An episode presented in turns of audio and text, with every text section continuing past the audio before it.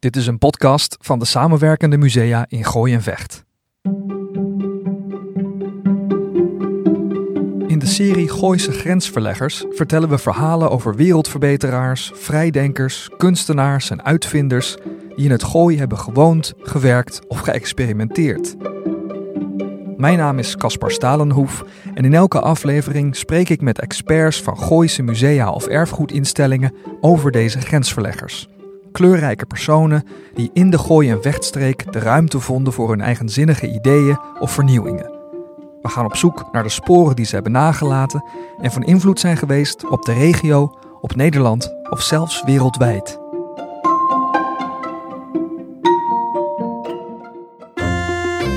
Jan Amos Komenský, to byl můj soused ve čtvrti.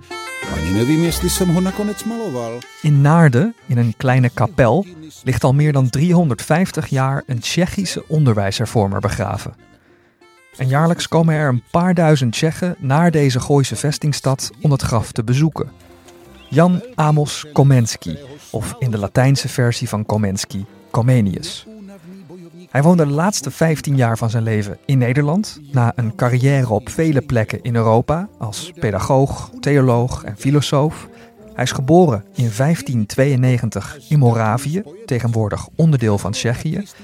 En na een periode in Duitsland, Polen, Zweden, Engeland en Hongarije kwam hij halverwege de 17e eeuw in 1656 naar Amsterdam. Hoe en waarom deze onderwijsvernieuwer naar Nederland kwam en uiteindelijk werd begraven in Naarden, daarover gaat deze aflevering. Aan het einde van de Kloosterstraat in Naarden staat ook een voormalig klooster. Met op een grote gevelsteen geschreven de laatste rustplaats van Jan Amos Comenius. Ernaast is het Comenius Museum gevestigd en ik word rondgeleid door John Exalto. Ik ben uh, John Exalto en ik ben uh, sinds ongeveer één jaar directeur van het Comenius Museum. Comenius groeide op in de Moravische broedergemeente, die zich al voor de protestanten hadden losgemaakt van de katholieke kerk. En de jonge Comenius viel op door zijn leergierigheid, waardoor hij naar de universiteit kon. Hij uh, studeerde op kosten van de broedergemeente in Duitsland, omdat in Tsjechië geen protestantse universiteiten waren. Liep vervolgens uit Duitsland weer terug naar Tsjechië na afronding van die studie. Overigens met een manuscript van Copernicus bij zich, dat hij onderweg uh, las. Mm -hmm. dat typeert Comenius ook, de geleerde die altijd een honger naar kennis heeft. En in die broedergemeente werd hij bisschop en de bedoeling was dat hij ook leiding zou gaan geven aan scholen in Tsjechië. Dus hij combineerde een religieuze functie met een schoolfunctie. Maar in Tsjechië kon hij die functies niet heel veel langer blijven uitoefenen. Zijn situatie werd bedreigd door oorlog, maar Comenius werd ook getroffen door persoonlijk leed. Bijvoorbeeld toen hij als tiener zijn beide ouders verloor. Hij is inderdaad heel vroeg wees geworden. Uh, en ook is hij twee keer uh, zijn vrouw verloren en een aantal van zijn kinderen verloren door uh, een brand, door de pest, doordat hij moest vluchten. Uh, dus hij wist wel degelijk wat uh, ellende was, wat uh, oorlog betekende. Ook veel van zijn boeken en manuscripten zijn verbrand. maar het interessante aan Comenius, en dat geldt misschien wel voor alle wereldverbeteraars, grensverleggers, is dat hij daardoor niet depressief werd of bij de pakken neer ging zitten. maar het lijkt wel alsof hij door die moeilijke omstandigheden heen een steeds sterker geloof kreeg in uh, de verbetering van deze wereld. In de humaniteit uh, waar hij voor stond door middel van onderwijs, door middel van wetenschap, door middel van uh, kennisoverdracht. En zijn wetenschappelijke interesse was zo breed en onbegrensd dat hij daar een woord aan gaf: pansofie. Het idee dat iedereen overal inzicht in zou moeten hebben. Dat vormde ook de basis voor zijn opvoedkundige ideeën en onderwijshervormingen. Daar was hij in Tsjechië mee begonnen, maar toen hij 28 was, werd duidelijk dat hij daardoor de godsdienstoorlogen niet kon blijven. Uh, ja, dus in 1620 uh, vond de slag bij de Witteberg uh, plaats. de protestanten werden verslagen door de katholieken. De katholieken namen het gezag in over Tsjechië over. Comenius heeft toen nog een jaar of vijf, zes wat ondergedoken geleefd in Tsjechië. tot die situatie niet langer houdbaar was, is toen naar Polen gevlucht, naar de stad Lesno. Eh, waar zich ook veel van de broeders bevonden. Dus hij eh, emigreerde eigenlijk met zijn religieuze gemeenschap mee. Ah, ja. En gaf daar leiding aan, aan die broederschap. Eh, en vanuit Lesno is hij vervolgens ehm, door allerlei geleerden naar Engeland gehaald. Hij heeft een tijdje in Zweden gewoond. In Duitsland is hij ook weer geweest. Dus hij zwierf door verschillende steden in Europa om daar iets aan het onderwijs te doen vooral. Eh, Hongarije heeft hij ook nog een tijd geleefd. Eh, en hij werd dan ontboden naar een stad om daar eh, het bestaande onderwijs te verbeteren in Comeniaanse zin. En zo begon zijn Europese carrière als onderwijshervormer. Want Comenius was een succesvolle netwerker. Hij had overal contacten met andere wetenschappers die elkaar manuscripten en commentaren stuurden en bij elkaar op bezoek gingen. Comenius had bijvoorbeeld in 1642 een ontmoeting met zo'n beetje de bekendste filosoof van Europa, René Descartes. En een van de andere mensen die hem overal aanprees en in contact bracht, was een zakenman uit Nederland, Louis de Geer, die uiteindelijk de belangrijkste beschermheer van Comenius werd. De Geer woonde in Amsterdam, maar ook in Zweden, waar zijn huis tegenwoordig de Nederlandse ambassade is. En hoe eh, kwam hij bij die De Geer en wie, wie, was, wie was De Geer? Eh, de Geer was een rijke koopman uit Amsterdam die ook in eh, Zweden eh, ijzermijnen in bezit had. Dus die ook vaak in Zweden was. Ehm, de, de Geer had ook weer contacten met het Koningshuis van Zweden, Christina van Zweden.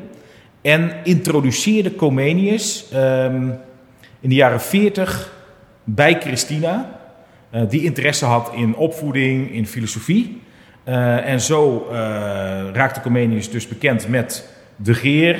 En de Geer die stuurde hem ook vanuit Zweden weer terug naar Polen. Omdat een stuk van Polen was toen eh, onder beheer van Zweden. En daar heeft hij in opdracht van de Geer het onderwijs hervormd. En uiteindelijk hebben ze dus contact onderhouden. En toen het Comenius echt te moeilijk werd in Polen, zei de Geer: Kom naar Amsterdam. Ik steun je levensonderhoud. Eh, jij mag je ideeën op schrift stellen. Eh, en dat resulteerde eh, uiteindelijk onder andere in de Opera Didactica Omnia. Dus de verzamelde didactische geschriften van Comenius. Een grote foliant met een fraaie titelpagina waarop we Comenius als geleerde zien afgebeeld. Ehm, opgedragen aan de familie De Geer. Dus in dat dikke boek heeft hij al zijn gedachten over eh, onderwijs en opvoeding neergelegd. Eh, hij had er al jaren daarvoor ook al aan gewerkt, eh, maar heeft dat in de rust die hij in Amsterdam vond, heeft hij dat kunnen finaliseren. En wat was er dan zo grensverleggend aan Comenius' gedachten over onderwijs en opvoeding?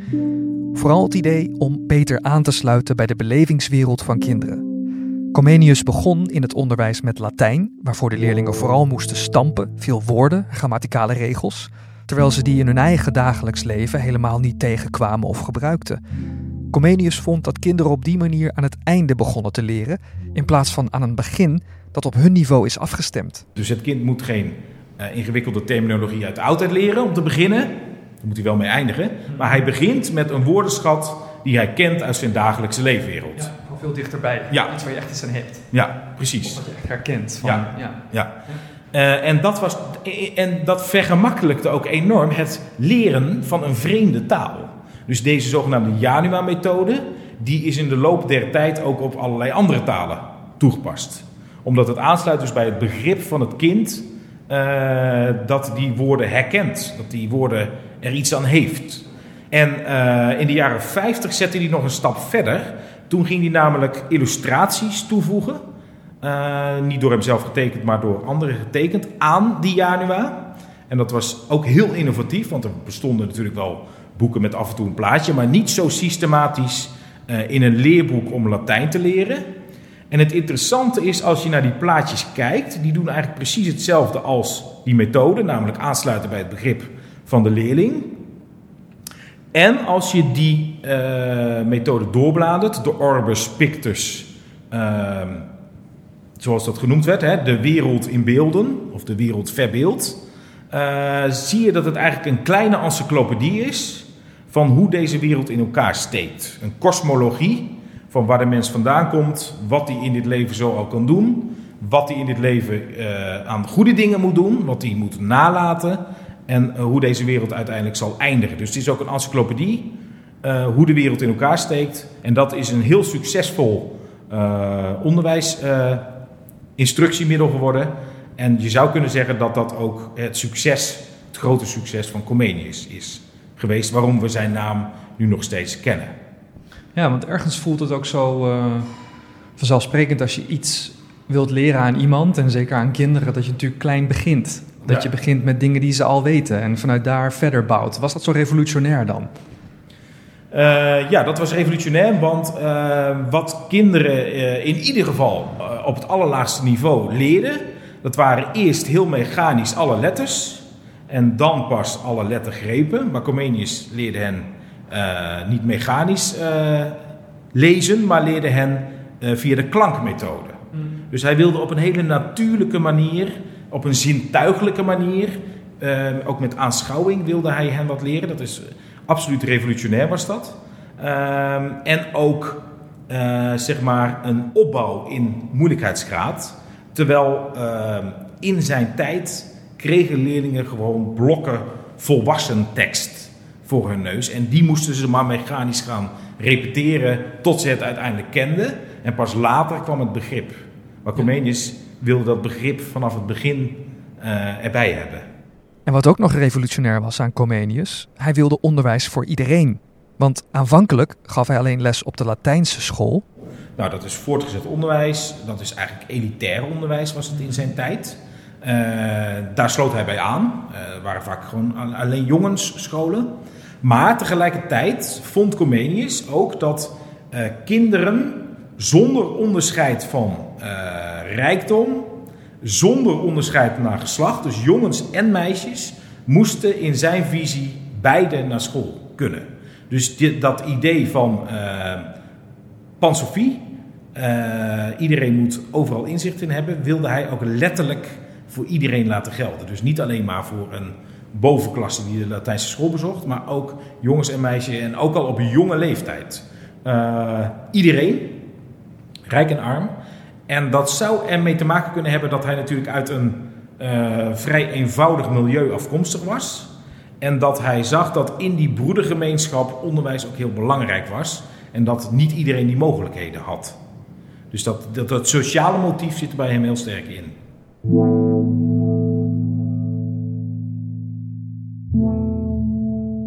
Maar wat is er eigenlijk nog over van die Comeniaanse missie in het onderwijs tegenwoordig? Met John loop ik door de tentoonstelling Reformpedagogiek op de schouders van Comenius. Die gaat over de onderwijsvormen die aan het einde van de 19e eeuw opkwamen en nog altijd in Nederland worden beoefend. Deze reformpedagogen wilden in hun onderwijsfilosofie, maar vooral ook in hun didactiek en didactische materialen, uh, op zo'n manier het onderwijs vernieuwen uh, dat het dichter bij het kind komt. Uh, en dat lijkt dus heel sterk op wat Comenius heeft gedaan. We zien in de tentoonstelling bijvoorbeeld Montessori langskomen. Nou, dat, die heeft natuurlijk het onderwijs vernieuwd door bijvoorbeeld zintuigelijkheid weer een grotere plek te geven. Door kinderen dingen te laten voelen, letters te laten voelen. Om een voorbeeld te geven. Steiner is de man van de vrije school. Die heeft de natuur, het zintuigelijk leren, weer een hele grote plek gegeven. nou ja, Peter Petersen is de man van het Jena-plan onderwijs. Waarin het kringgesprek een hele belangrijke rol speelt.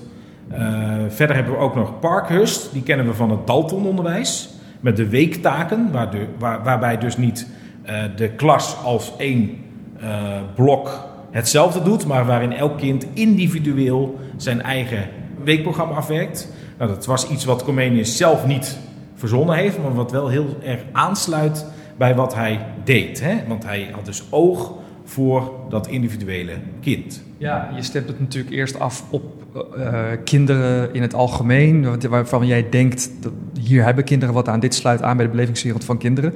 Vervolgens sta je als leraar in de klas, dan heb je er uh, nou, 20 tot 30 voor je. Daar moet je je bij zien aan te sluiten. En ook nog kijken of je nog op de persoon toe zelfs misschien nog je dingen kunt aanpassen. Is wel uh, ingewikkeld in deze tijden misschien van uh, ja, niet al te veel um, financiële middelen soms, uh, grote klassen, veel druk op, op, op leraren. Is dat, um, ja, le leeft dat nog? Kan dat nog? Nou, wat wij merken in deze tentoonstelling is heel interessant, is dat verschillende mensen uit dat onderwijsveld die hier komen, die zijn verrast dat Comenius al dit soort gedachten koesterde. Uh, en van de reformpedagogen weten ze dat dan vaak wel iets beter. Ja. en zij weten zich geïnspireerd door, de, door het gedachtegoed van Comenius. niets omdat het nou zozeer één op één nu in praktijk is te brengen we zitten nu eenmaal met een klassensysteem. We hebben beperkte financiële middelen. Uh, het onderwijs moet bepaalde, uh, vergeef me het woord, bepaalde opbrengsten uh, boeken, hè, zoals dat tegenwoordig genoemd wordt. Dat is iedereen zich bewust. Maar Comenius kan helpen om te kijken waarom geven we onderwijs?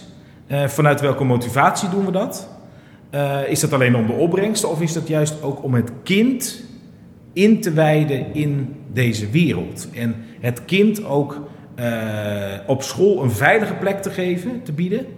Uh, en om op die manier ook ja, zich zintuigelijk te laten ontwikkelen. Dus niet alleen maar leren in boeken, maar ook de natuur ontdekken, ook met beelden uh, te werken. Um, er zijn veel scholen in Nederland ook die zich wel naar een van deze uh, reformpedagogen vernoemd hebben. Dus dit onderwijs, dat soort onderwijs lijkt wel te bestaan. Uh, zou er meer aandacht voor kunnen zijn, denk je? Is er genoeg aandacht? Wat, is jouw inschatting? Zouden er meer mensen naar de, in ieder geval in de geest van Comenius uh, moeten nadenken over onderwijs? Ja, ik denk dat het heel goed zou zijn als uh, bijvoorbeeld op uh, leraaropleidingen, PABO's, studies pedagogiek, als daar nog fundamenteler op de ideeën van Comenius, maar ook van andere pedagogen, daarna gekeken zou worden. Uh, zodat uh, mensen die later het onderwijs ingaan, die komen weliswaar in een bepaald systeem terecht. Uh, die kunnen niet altijd dat systeem veranderen natuurlijk, en dat heeft ook zijn goede kanten. Maar die wel eh, voor zichzelf helder hebben vanuit welke motivatie zij in dat onderwijs werken. En wat ze nu eigenlijk aan het doen zijn met die kinderen voor zich. Ja. Waar gaat het naartoe met die kinderen? Ja. Die vraag is denk ik heel belangrijk. Ja. En Comenius kan daarbij helpen om te kijken van hoe moeten we dat doen. Maar vooral ook vanuit welke motivatie zouden we dat moeten Precies, doen. Precies, dat je dat aanvoelt van waarom en wat doe ik eigenlijk hier. Ja, ja.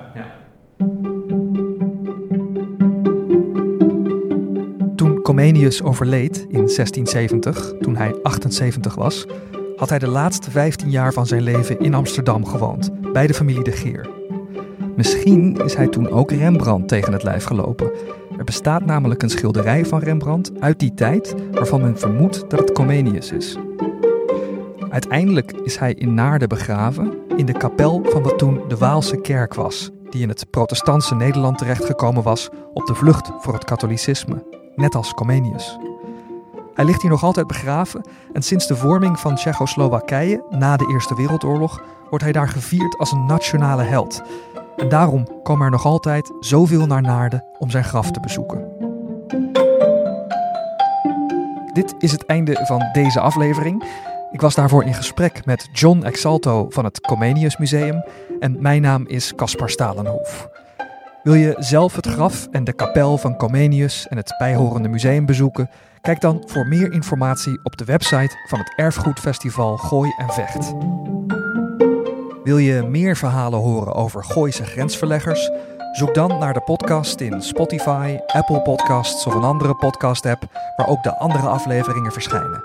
Bedankt voor het luisteren.